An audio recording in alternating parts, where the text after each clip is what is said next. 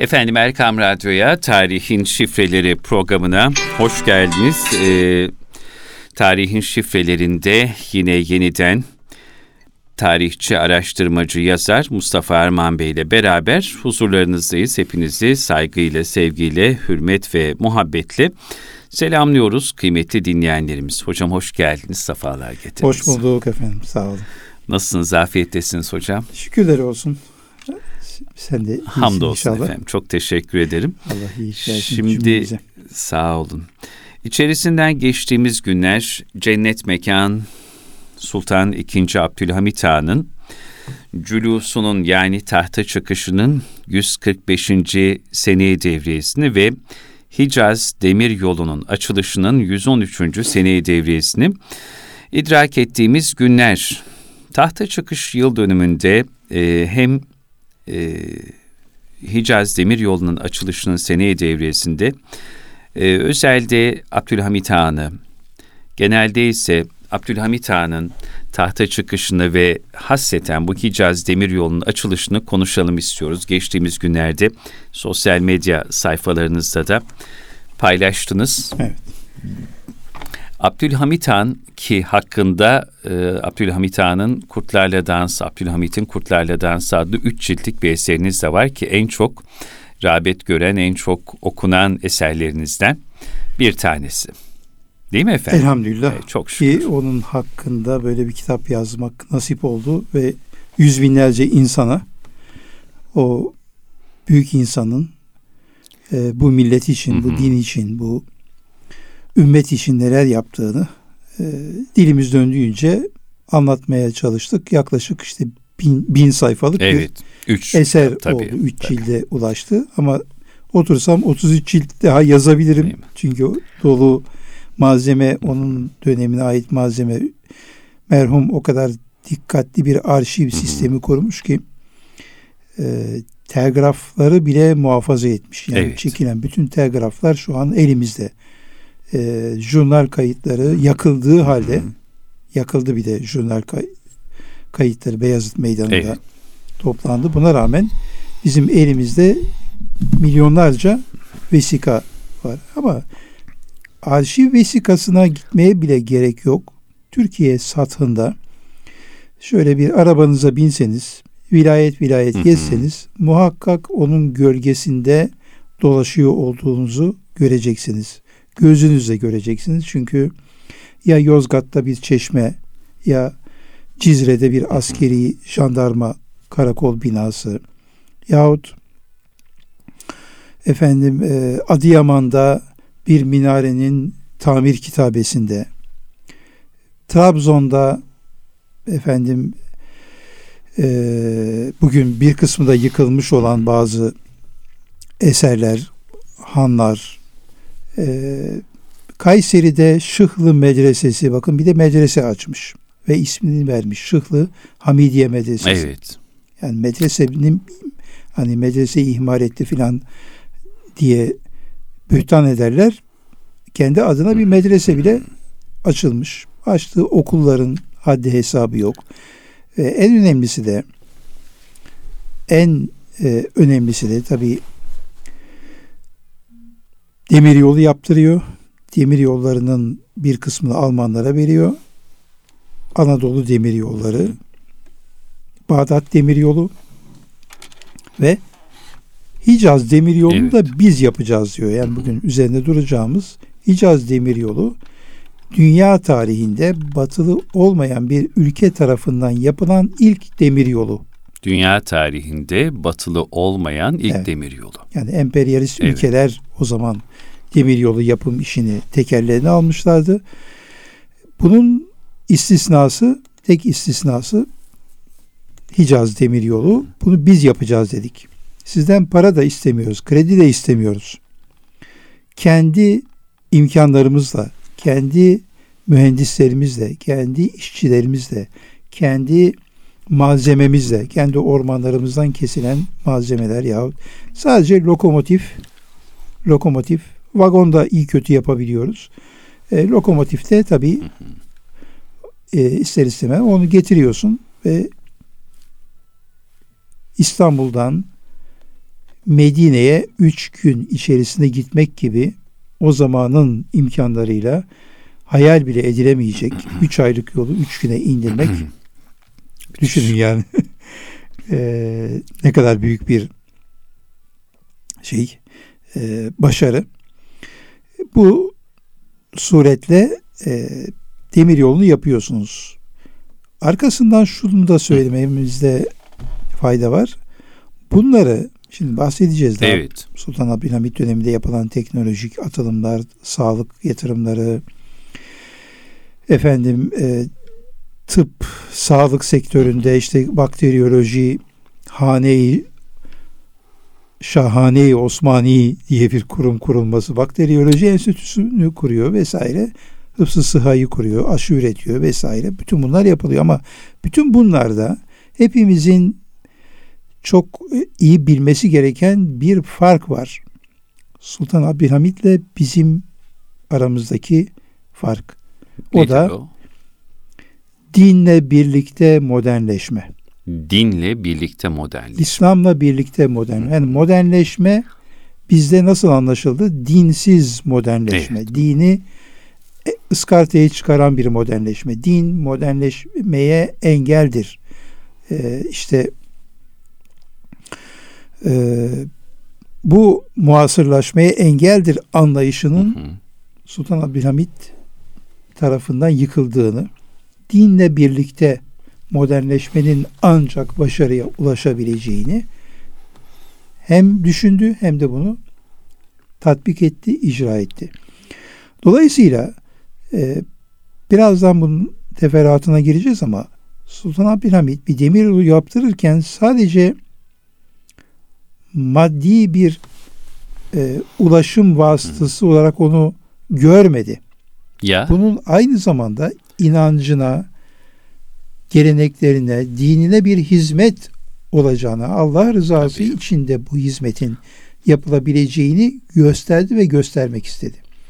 Dolayısıyla bu büyük fark e, bizim uzun bir süre dinden bağımsız modernleşme modelinin gelip bütün baskılara rağmen uygulanması e, karşısında istenilen başarının elde edilememesi noktasında tekrar dinle birlikte modernleşme kulvarına Türkiye'nin girişi Sultan Abdülhamid'in damgasını taşır. E, bunu özellikle vurguluyorum ki bundan sonra da yani bir köprü, bir tünel, bir baraj, bir bilmem işte uçak, şu bu bu aynı zamanda bizim dinimize ve dindaşlarımıza yaptığımız veya yapacağımız bir e, yardımın, bir katkının, bir hizmetin parçası olarak telakki edilmek e, durumundadır. Bunu böyle düşünmezsek yine o dinle birlikte modernleşme sürecinden çıkmış oluruz ki o da ne kadar eksik kalıyor, ne kadar yanlış yollara bizi sürüklüyor. Bunları görmüş olduk yakın tarihte. Dolayısıyla Sultan Abdülhamit bir paradigma olarak, bir model olarak önümüzde duruyor. Yani bize doğru çerçeveyi ortaya koymuş. Bunu Mehmet Akif Asım kitabında şöyle formüle ediyordu. Allah'a dayan, saye sarıl, hikmete ram ol. Yol varsa budur, bilmiyorum başka çıkar yol. Şimdi o kadar mükemmel bir formüle, e, formülasyon geliştiriyor ki bu işte bu Sultan Abdülhamit devrinde Tanzimat'ın rağmına çünkü Tanzimat da dini bir nevi safra gibi görüp e, atmaya hazır biliyorsunuz o e, Felatun Bey ile Rakım Efendi yahut efendim araba sevdası vesaire Efruz Bey gibi tiplerde neyi görüyorduk? Kendi geleneklerinden kopmaya çalışan bir tip ortaya çıktığını görüyorduk Tanzimat'ta ama Sultan Abdülhamit öyle bir viraj aldırıp tekrar bizi yeni bir e, modernleşme kulvarına soktu ki işte buradan Mehmet Akif'in kafasındaki formülasyon çıktı. Bu formülasyon bile Abdülhamid'e borçludur. Bütün gerçekliğini. Çünkü öyle bir lider kalkıp da okullarda bu İslam ideolojisini, İslam'ı tekrar merkeze alan bir anlayışı zerk etmeseydi Akif o cümleyi sarf edemezdi. Kimse kusura bakmasın. Bunların hepsinin arkasındaki irade, lider e, Sultan Abdülhamit'tir. Ve e, birazdan örneklerini verdiğimiz zaman daha göreceğiz. Allah'a dayan, inan. Saye sarıl, çalış. Çalış. Ve hikmete ram ol, ilme teslim ol. Şimdi bunu e, bu şekilde formüle etmesi Mehmet Akif'in belki şu anda e, mevcut olan e, ama maalesef hastanesi ortadan kaldırılmış bulunan e, Hamidiye Etfer Hastanesi'nin saat kulesinde kendisini gösterir. İnternetten girip baksınlar. Evet. Hamidiye Etfer Hastanesi maalesef ve maalesef 1970'li yıllarda yıkıldı, yok edildi. Ee, yeniden betonarme binalar yaptılar. Benim devlet yetkililerine buradan e, söyleyeceğim söz ya da vereceğim mesaj şu. Hamidiye Etfer Hastanesi'nin resimleri, projeleri elimizde. Arşivde bunlar da muhafaza ediliyor. Bu mevcut binalar yıkılarak orası açılmalı ve asli binalar tekrar inşa edilmeli. Orası Sultan Abdülhamid'in bu milletin evlatlarına sağlığını kaybetmiş çocuklarına bakın çocuk hastanesi burası. Evet. Hediye ettiği kendi kesesinden para vererek yaptırdığı bir hayır eseriydi. Ee, ve üzerinde de onun için Hamidiye Etfal Hastanesi, Hamidiye Çocuk Hastanesi gelmişti. Tam teşekkülü bir çocuk hastanesi. Şimdi dünyada bile üçüncü sırada ye- yer alıyor. Yani bir çocuk hastanesi. Tasavvuru bile yeni başlamış. Dünyada bunu yaptırıyor. Ee, onun ortasına da binaların ortasına da bir kule şeklinde bir yapı inşa ettiriyor. Bu kule yahut birazdan kule mi değil mi anlayacağız. Ee, bugün ayakta hamdolsun onu yıkmamışlar artık. Neye binaen yıkmadılarsa koskoca binaları çatır çatır yıkanlar e, onların kör kazmadan kurtulmuş bir numunesi. Şimdi girdiğiniz zaman bir bakıyorsunuz ki alt katta bir mescit var. Yani kulenin altı mescit. Ve zamanında yapılmış olan tasarımla bir çocuk mescidi nasıl yapılır Selahattin'ciğim? Maşallah. Çocuklar neden hoşlanır? Nasıl Her şey kendilerini bakın bunu bile düşünen bir ecdattan bahsediyoruz. Çocuk mescidiyle büyük mescidi arasında bir fark olmalı. Çocuğun dünyasına hitap edecek bir atmosfer oluşturulmalı. Bu bile düşünülmüş. Fotoğrafları elimizde var hamdolsun. 30 bin kare fotoğraf çektirdiği için onlardan bir tanesi de bu mescidin o zaman nasıl bir tefrişat e, ile e, çocuklara hazırlandığını görebiliyoruz ve hakikaten bir çocuk gönlünü okşayacak tarzda bir mektup, e, bir e, mescit yapılmış. Tamam alt katı mescit bunu anladık. Fakat mescidin üzerinde bizim kule gibi gördüğümüz yükselti aslında bir minare. Ve minarenin şerefesi var. Hmm. İki tane bir bu tarafa bir öbür tarafa bakan şerefeler var. Müezzin çıkıp oradan şey yapacak. Fakat şerefe de devam ediyor ve üst katta da yani e, minarenin tepesinde de artık kule demiyoruz ona Hı. bir saat bakın saat nedir? Dünyayı gösterir. Evet. Dünyevi zamanı gösterir. Ne oldu? Mescit uhrevi şey ezan dini sembolize etti. Ee, saatte dünyayı bakın beraber din ve dünya birbirinden ayrılmaz mesajını verdi. Onun üzerine de o da yetmedi. Tepesine de meteorolojik aletler koydurdu. Rüzgar, basınç vesaire bunları ölçen aletler. Ne oldu bakın? Allah'a dayan, saye sarıl, hikmete ram ol.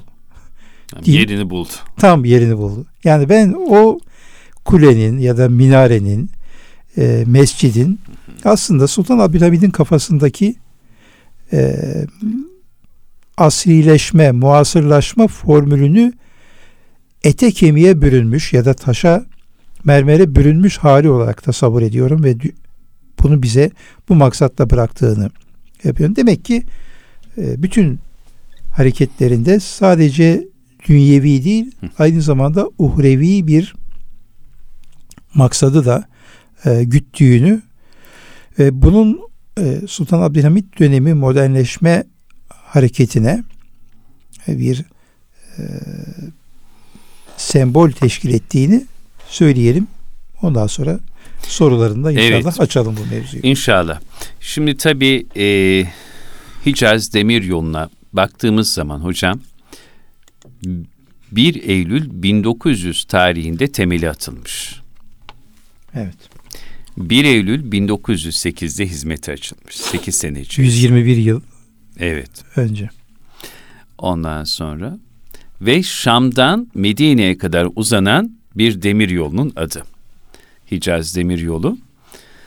Sultan Abdülhamit Han'ın tabii çok büyük projeleri var ama bu projeler içerisinde 113 yıl önce e, bugünlerde hizmete açılan Hicaz Demir Yolu'nun çok çok ayrı bir yeri olduğunu söyleyebilir miyiz efendim?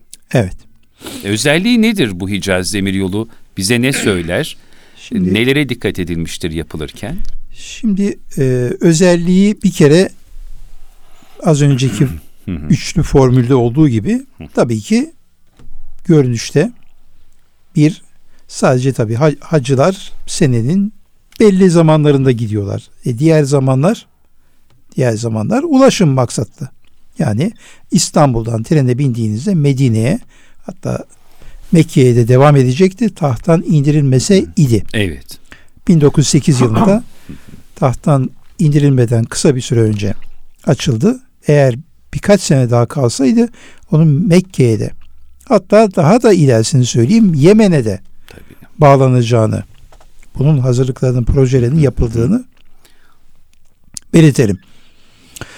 Ee, düşünün buradan dört günde treni atlayacaksınız Yemen'e kadar ulaşacaksınız. Bu muhteşem bir Tabii. şey. o günün zaman şartlarında. düşünülemeyecek. Tabii.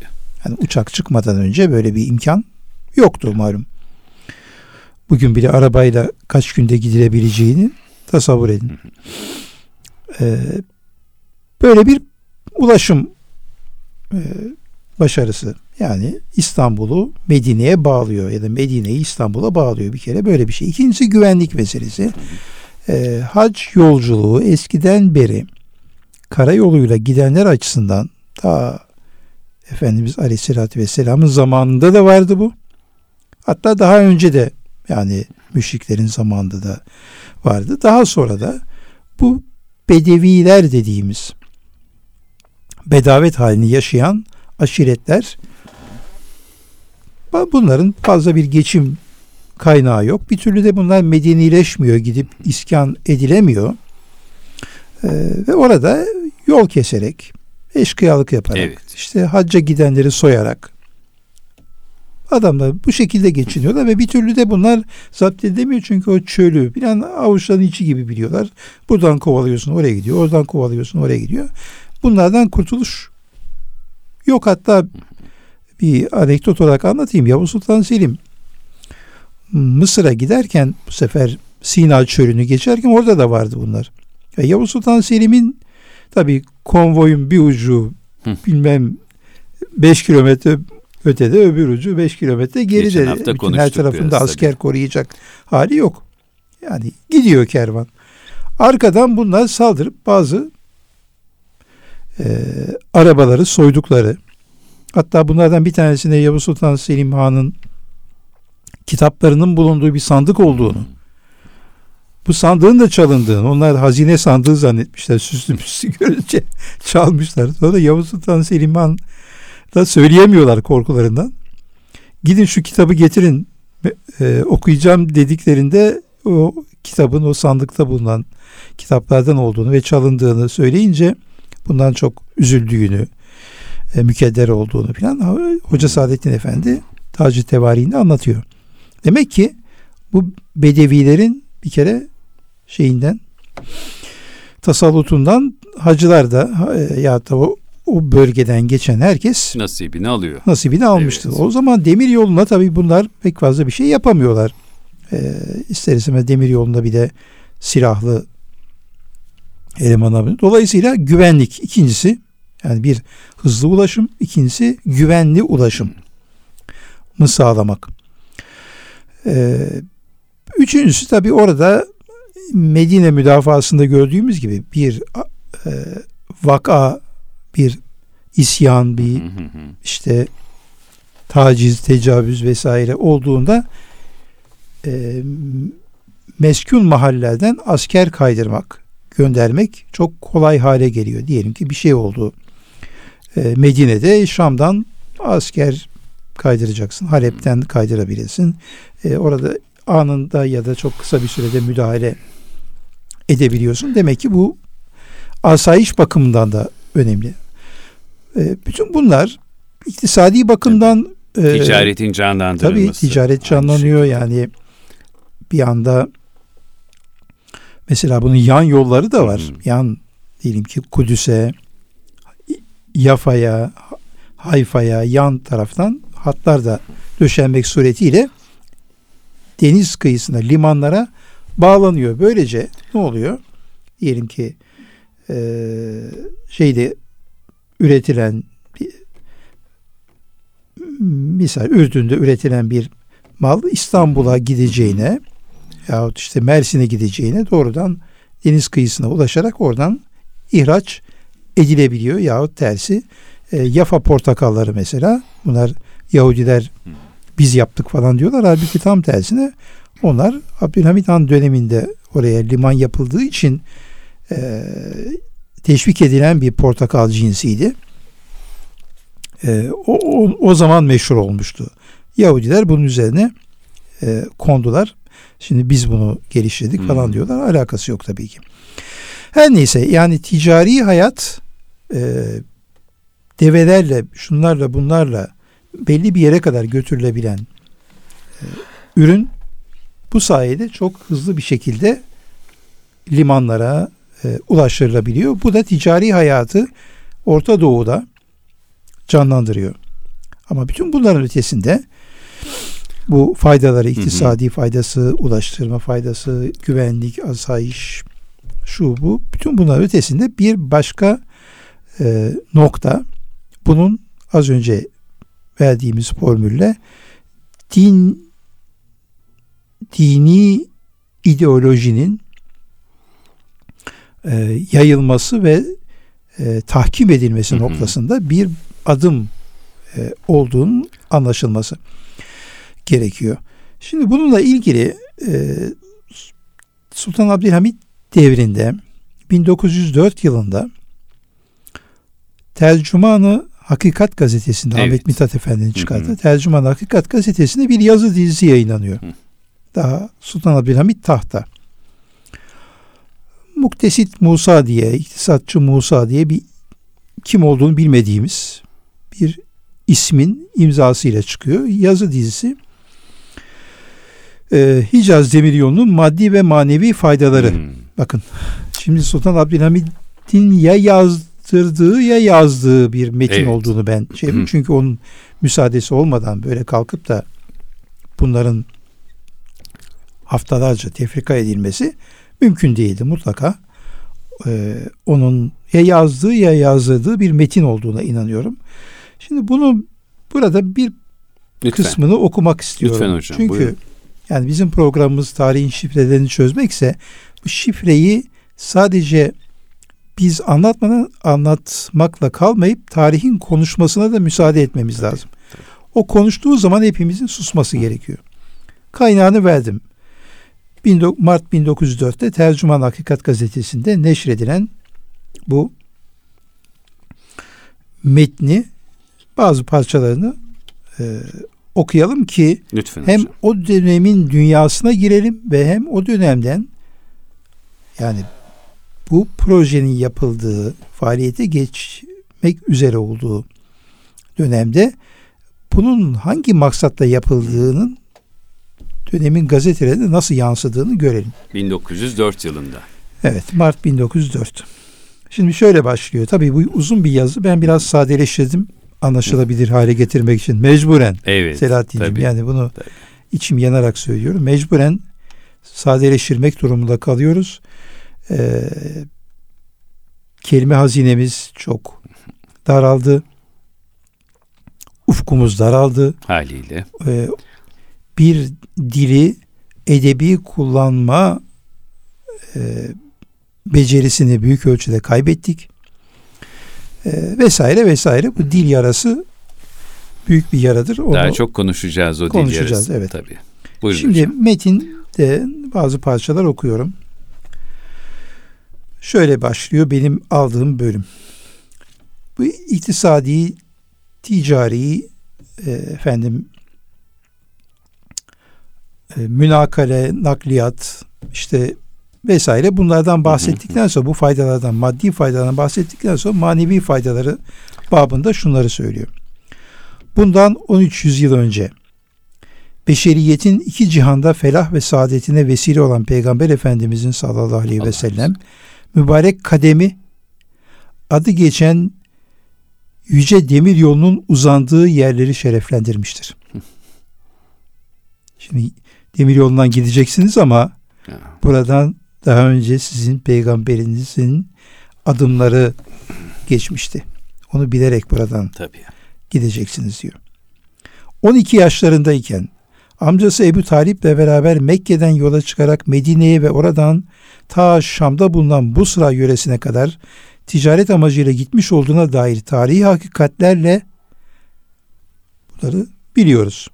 Ama oraya bakın eklediği şey ne? Tarihi hakikatlerle bu yüce hattın Peygamber Efendimizin geçtiği güzergah olduğu kesin delillerle ispat edilmiştir hem de o yüce yoldan Peygamberimiz tarafından iki kere geçilmeyip belki en az dört defa geçilmiş olduğu tarihi hakikatlerle delillendirilerek açıkça ortaya konulmuştur.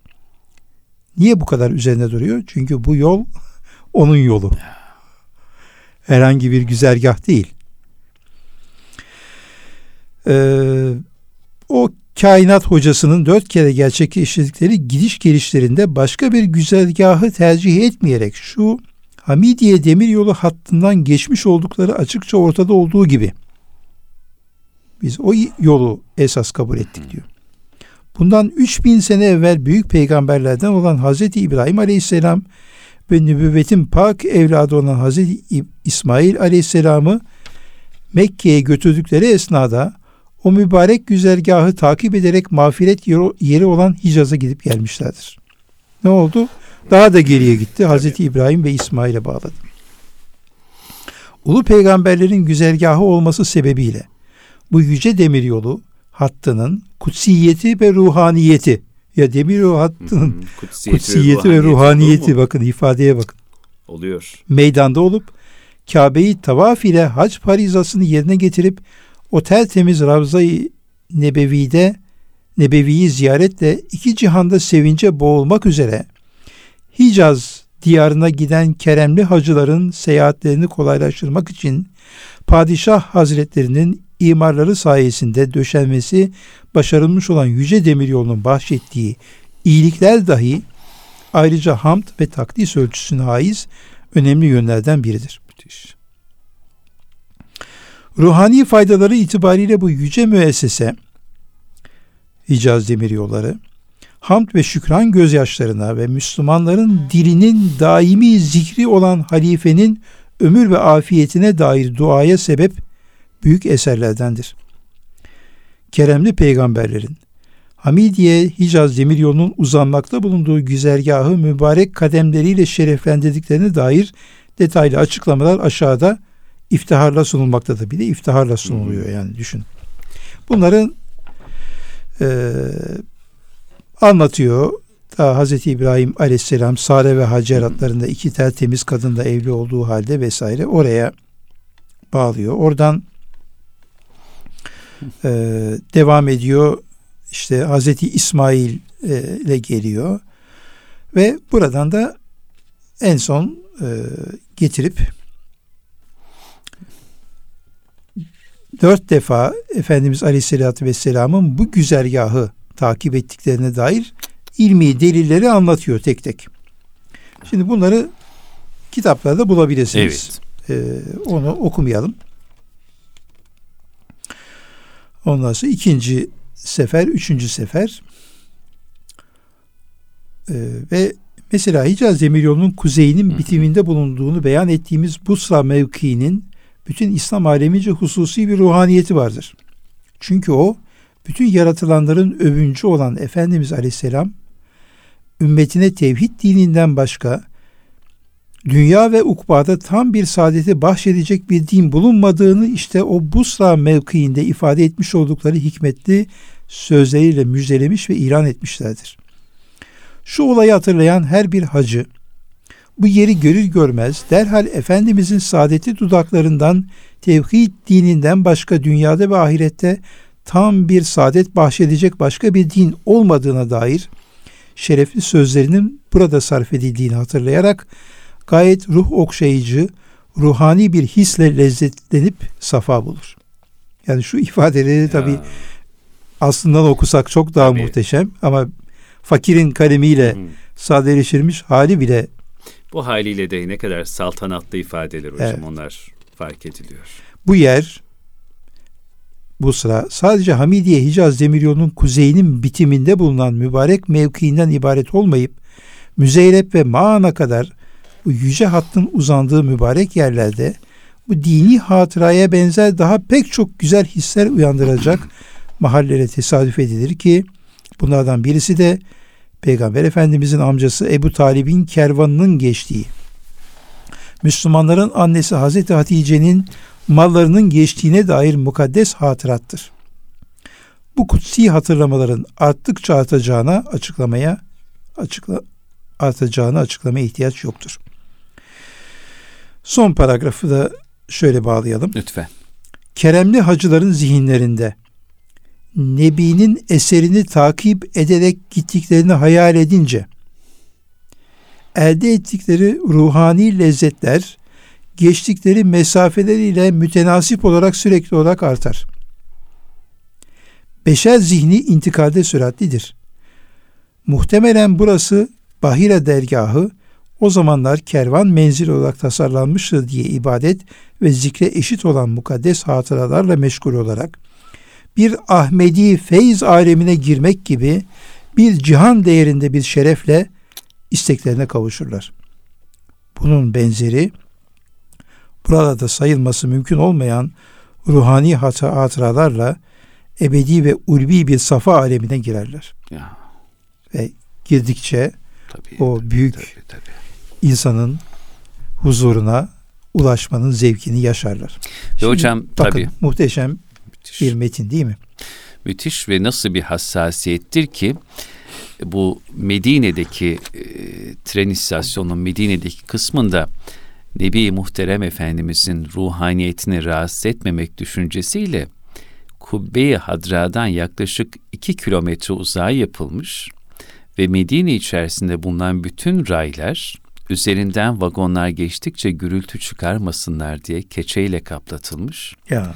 Keçeyle döşenen bu raylar da Allah Resulüne sallallahu aleyhi ve sellem evet. duyulan hürmet ve muhabbet dolayısıyla günün belli saatlerinde gül suyuyla yıkanmış. Ya.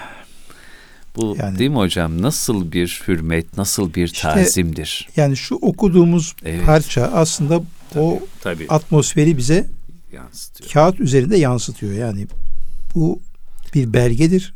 O zamanın e, bu demir yoluna ruhani, manevi e, bakışının ne olduğunu aslında felsefesini anlatıyor. Yani bence Hicaz Demiryolu'nun manevi felsefesini anlatan bir metin. İnşallah günün birinde kitap olarak yayınlamak nasip olur da. İnşallah. İnşallah. Bunu e, duyması gerekenler duysun. Eğer bir teklif olursa bunu. Siz bunu geçmişte Abdülhamit Han'la alakalı yaptığınız özel bir derin tarihte sayıda yayınladınız bu mektubu değil mi efendim? Bu yazıyı. Ee, yani galiba okuyuşum ilk defa ama bir e, derin tarihin özel sayı 3. e, 2000 hangi 2015 yılında çıkan bu özel sayısında yayınladım. Eğer baskısını bulurlarsa orada bir bölümü var ama tamamı çünkü bu yaklaşık e, bir 70-80 sayfa tutan bir metin. Tamamını henüz yayınlamadım. Bir kitap halinde İnşallah. hem Osmanlıcasını hem e, Latinize edilmiş halini hem de sadeleştirilmiş halini bir arada basmak istiyorum. İnşallah. Ee, inşallah o da nasip olur. Şimdi e, bahsettiğiniz husus yani Hicaz Demiryolu'nun e, ne kadar manevi bir e, esasa istinad ettiğini bize gösteren örneklerden bir tanesi. Yani Medine'ye ulaştığı zaman demiryolu Yıldız Sarayı'ndan bir ikaz gider. Orada çalışırken gürültü patırtı fazla yapmayasınız. Buna dikkat edesiniz mümkün mertebe. Ee, ve eğer tabi rayların üzerine demir rayların üzerine balyozla şunla bunla onları oturtmak için vurmanız icap ediyorsa o zaman onun üzerine keçe sararak bunların ses çıkarmamasına azami ihtimam gösteresiz şeklinde bir ikazın e, gittiğini görüyoruz. Değil mi? Sebebi de orada Efendimizin manevi e, maneviyetinin bundan rahatsız Tabii, olmaması. Ruhaniyetin rahatsız. Bundan rahatsız olmaması için buna azami dikkat edesiniz. Gürültü patırtı çıkarmaktan hazer edesiniz.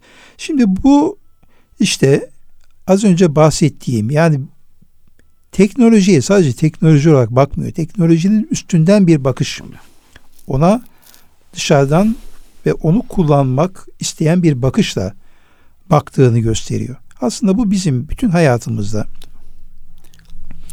e, prensip edinmemiz gereken bir şey. Yani bir cep telefonunu kullanırken ya da bir sosyal medyayı kullanırken ben eğer kendi inancıma, değerlerime e, ihanet ederek kullanıyorsam bunun vebali olduğunu bilmem gerekir. Oraya ayıracağım vaktin, oraya ayıracağım zamanın ümmete, millete, e, insanlığa bir faydasının Çok olmasını Tabii. eğer önemsemiyorsam o zaman benim orada olmam ya da olmamam arasında bir fark kalmıyor. Nitekim işte Aliye İzzet Begoviç'in dediği gibi savaş savaş meydanında değil düşmana benzediğin zaman kaybedilir Evet. sözü doğru çıkıyor. Çünkü ona benzemiş oluyorsun. Yani benzediğin zaman bir farkın yok ya isminin Ahmet'le olmasıyla Joseph olması arasında bir fark kalmıyor. Çünkü aynı şeyleri yazıyorsun sen. Ama Evet. senin bir Müslüman olarak bir farkın olmalı. Sen bu dünyada eşrefi mahlukat olduğunun şuuruna ermiş bir insansın. Bu din sana böyle bir Tabii. imtiyaz e, tanımış. Bu dinin mesajını sen oraya taşıyabilmelisin. Bu O- bütün hayatımızda Tabii. böyle olduğu zaman işte İslam medeniyeti dediğimiz o medeniyet e, vücut buluyor. Ete kemiğe bürünüyor.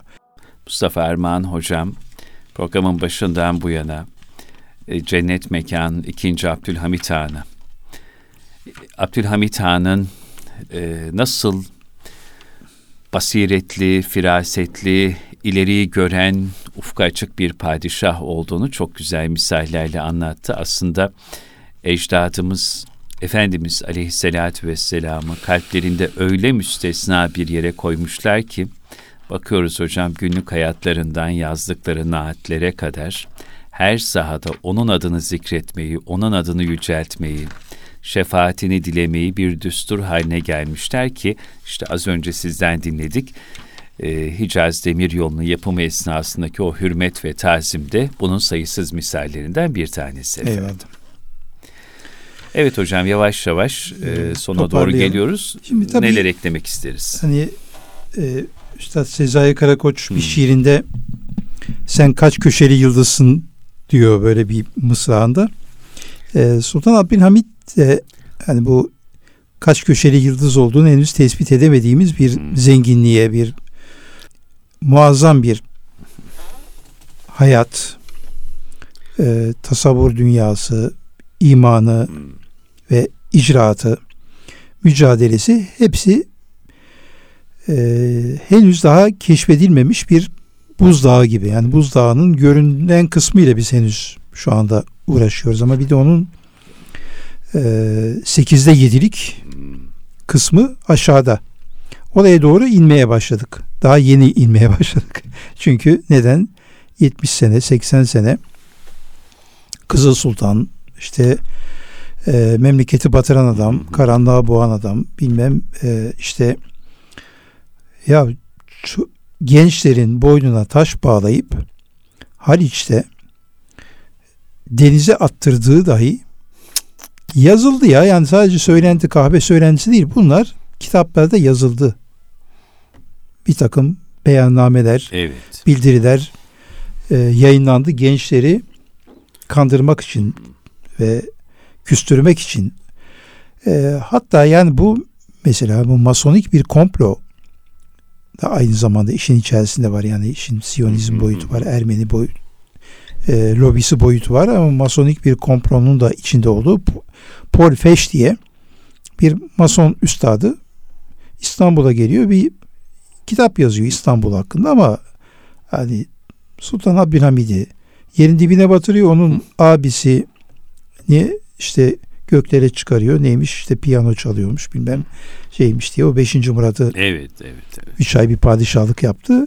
Ona ağıtlar yakıyor. Keşke o olsaydı bu e, adam geldi bütün oyunu bozdu. Gerçekten de oyunu bozan adam. Yani bunu söyleyelim.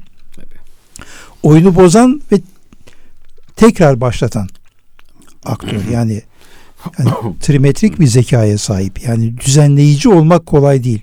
Yani bozarsın bozduğunla kalır. Ama bu hem oyunu bozdu hem yeni bir oyun kurdu. Biz hala o oyunun içindeyiz. Yani Sultan Abdülhamid'in kurduğu paradigmanın içinde hareket ediyoruz. Bunu bir gün inşallah daha geniş e, açıklarım. Dolayısıyla onun e, gerçekte neler yaptığını, bu memlekete neler kazandırdığını ancak yeni yeni o arkasından atılan iftiralarla bir dağın altında kaldı.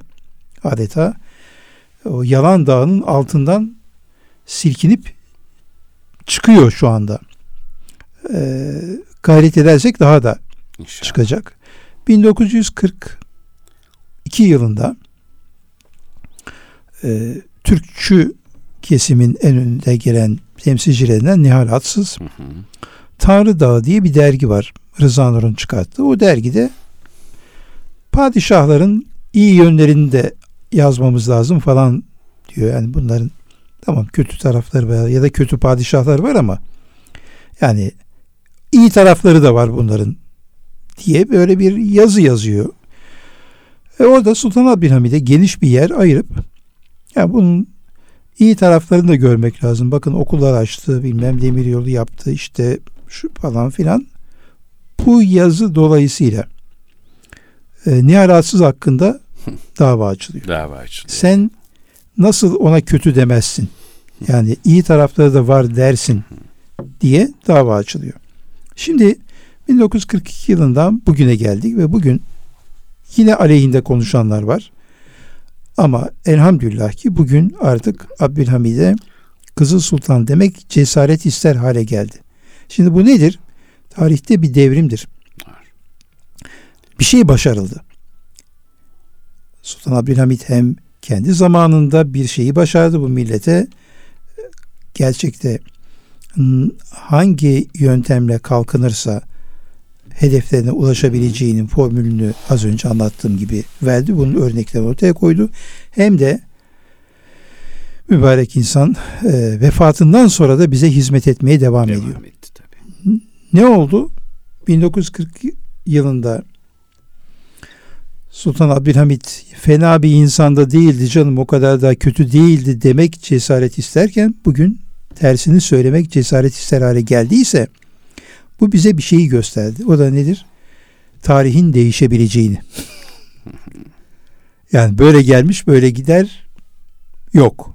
Tarih eğer arkasında durursak tıpkı Ayasofya davasında olduğu gibi e, yatırım yaparsak, tahşidat yaparsak, onun nesiller boyu davasını güdersek günün birinde düzelebileceğini göstermiş oldu. Adeta bir buz kıran gemisi gibi e, resmi tarihin putlarını ve buzlarını kırarak devam ediyor.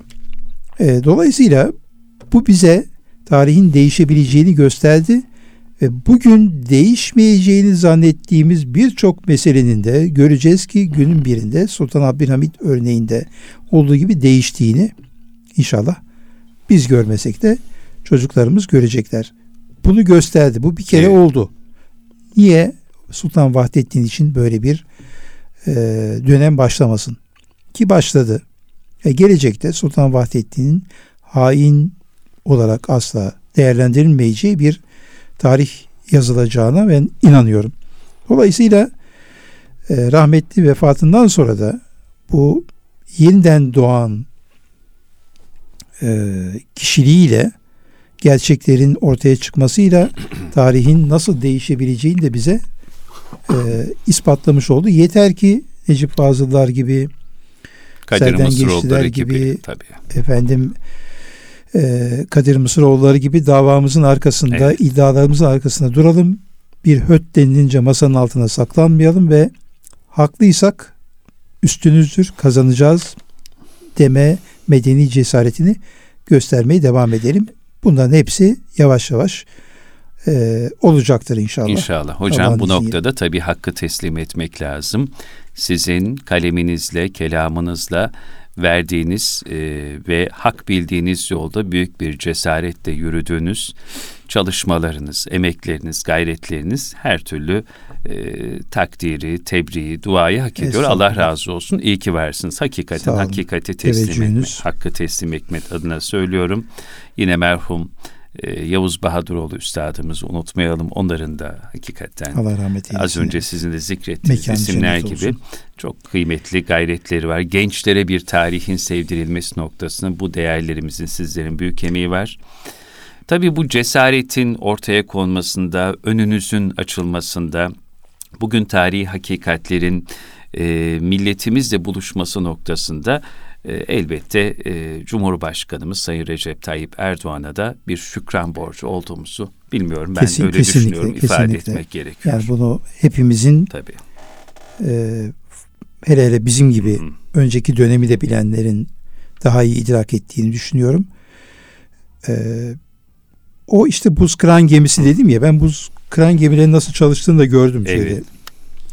Asrahan'da Volga Nehri'nin Hı-hı. kollarında o gemi giriyor buzlar ama buz dediğim üzerine kamyon geçiyor buzların yani öyle ince buz tabakası değil. Hmm.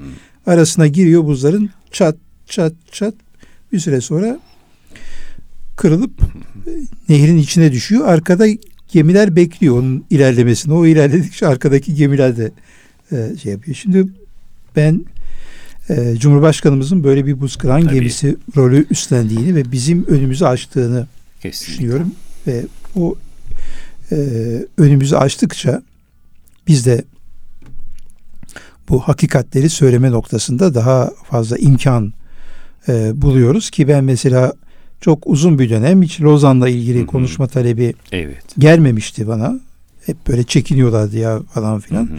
Ama o 2016 yılında e, Lozan'ı işte sevle korkutup Lozan'a razı ettiler açıklamasının arkasından birçok yerden Evet. E, talepler geldi. Şimdi aynı teşkilat fakat Cumhurbaşkanı konuşunca işin rengi değişiyor. değişiyor. Bizim söylediğimizde bir farklılık yok. Biz aynı şeyi söylüyoruz ama işte o zaman diyoruz ki e, Allah e, ondan razı olsun e, ve bu milletin başından eksik etmesin. Amin. E, bu meseleler içinde yani tarihimizin e, gerçek hüviyetine kavuşması için de ona ihtiyacımız var. Yaptıklarından da e, Allah ona razı olsun diyoruz. Allah razı olsun. Allah e, kendilerinin ve sizlerin ayağına taş, gözüne yaş değdirmesin. Son sözümüz olsun. Tekrar çok teşekkür ederiz her şey. Ben teşekkür ederim. Nasıl geçti zaman anlamadım. anlamadım ama Sultan Abdülhamid'e girince e, mübarek böyle bir derya gibi insanı içine çekiyor. Tabii. Ki İnşallah. ben manevi tasarrufunda halen cari olduğuna Eyvallah. tüm kalbimle inanıyorum Eyvallah. gerçekten. Hayatındayken de çok aşikarmış o görülen kerametleri. İnşallah bir başka Kesinlikle. zaman manevi cephesiyle de yine derinlikli bir Benim de şekilde yaşadıklarım var. Onları da inşallah. konuşuruz. İnşallah dinlemek konuşuruz. isteriz. Çok teşekkür ediyoruz. Ben teşekkür ediyorum. Sağ olun efendim. İnşallah görüşmek üzere. İnşallah.